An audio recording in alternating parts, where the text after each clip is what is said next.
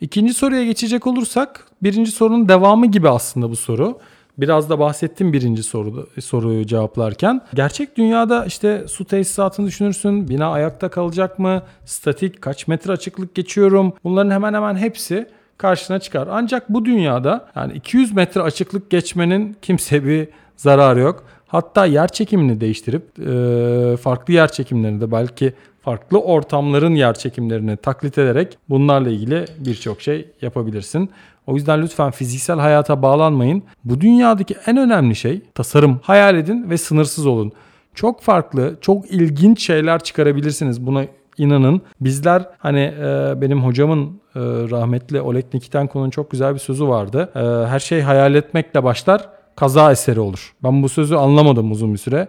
Gerçekten hayal ediyorsunuz ama kaza eseri bilinmezlik içerisinde inanılmaz güzel tasarımlar çıkabiliyor. Sonra bunları bilinir kalıplara, daha doğru kalıplara yerleştirerek dizayn problemini çözmüş oluyorsunuz.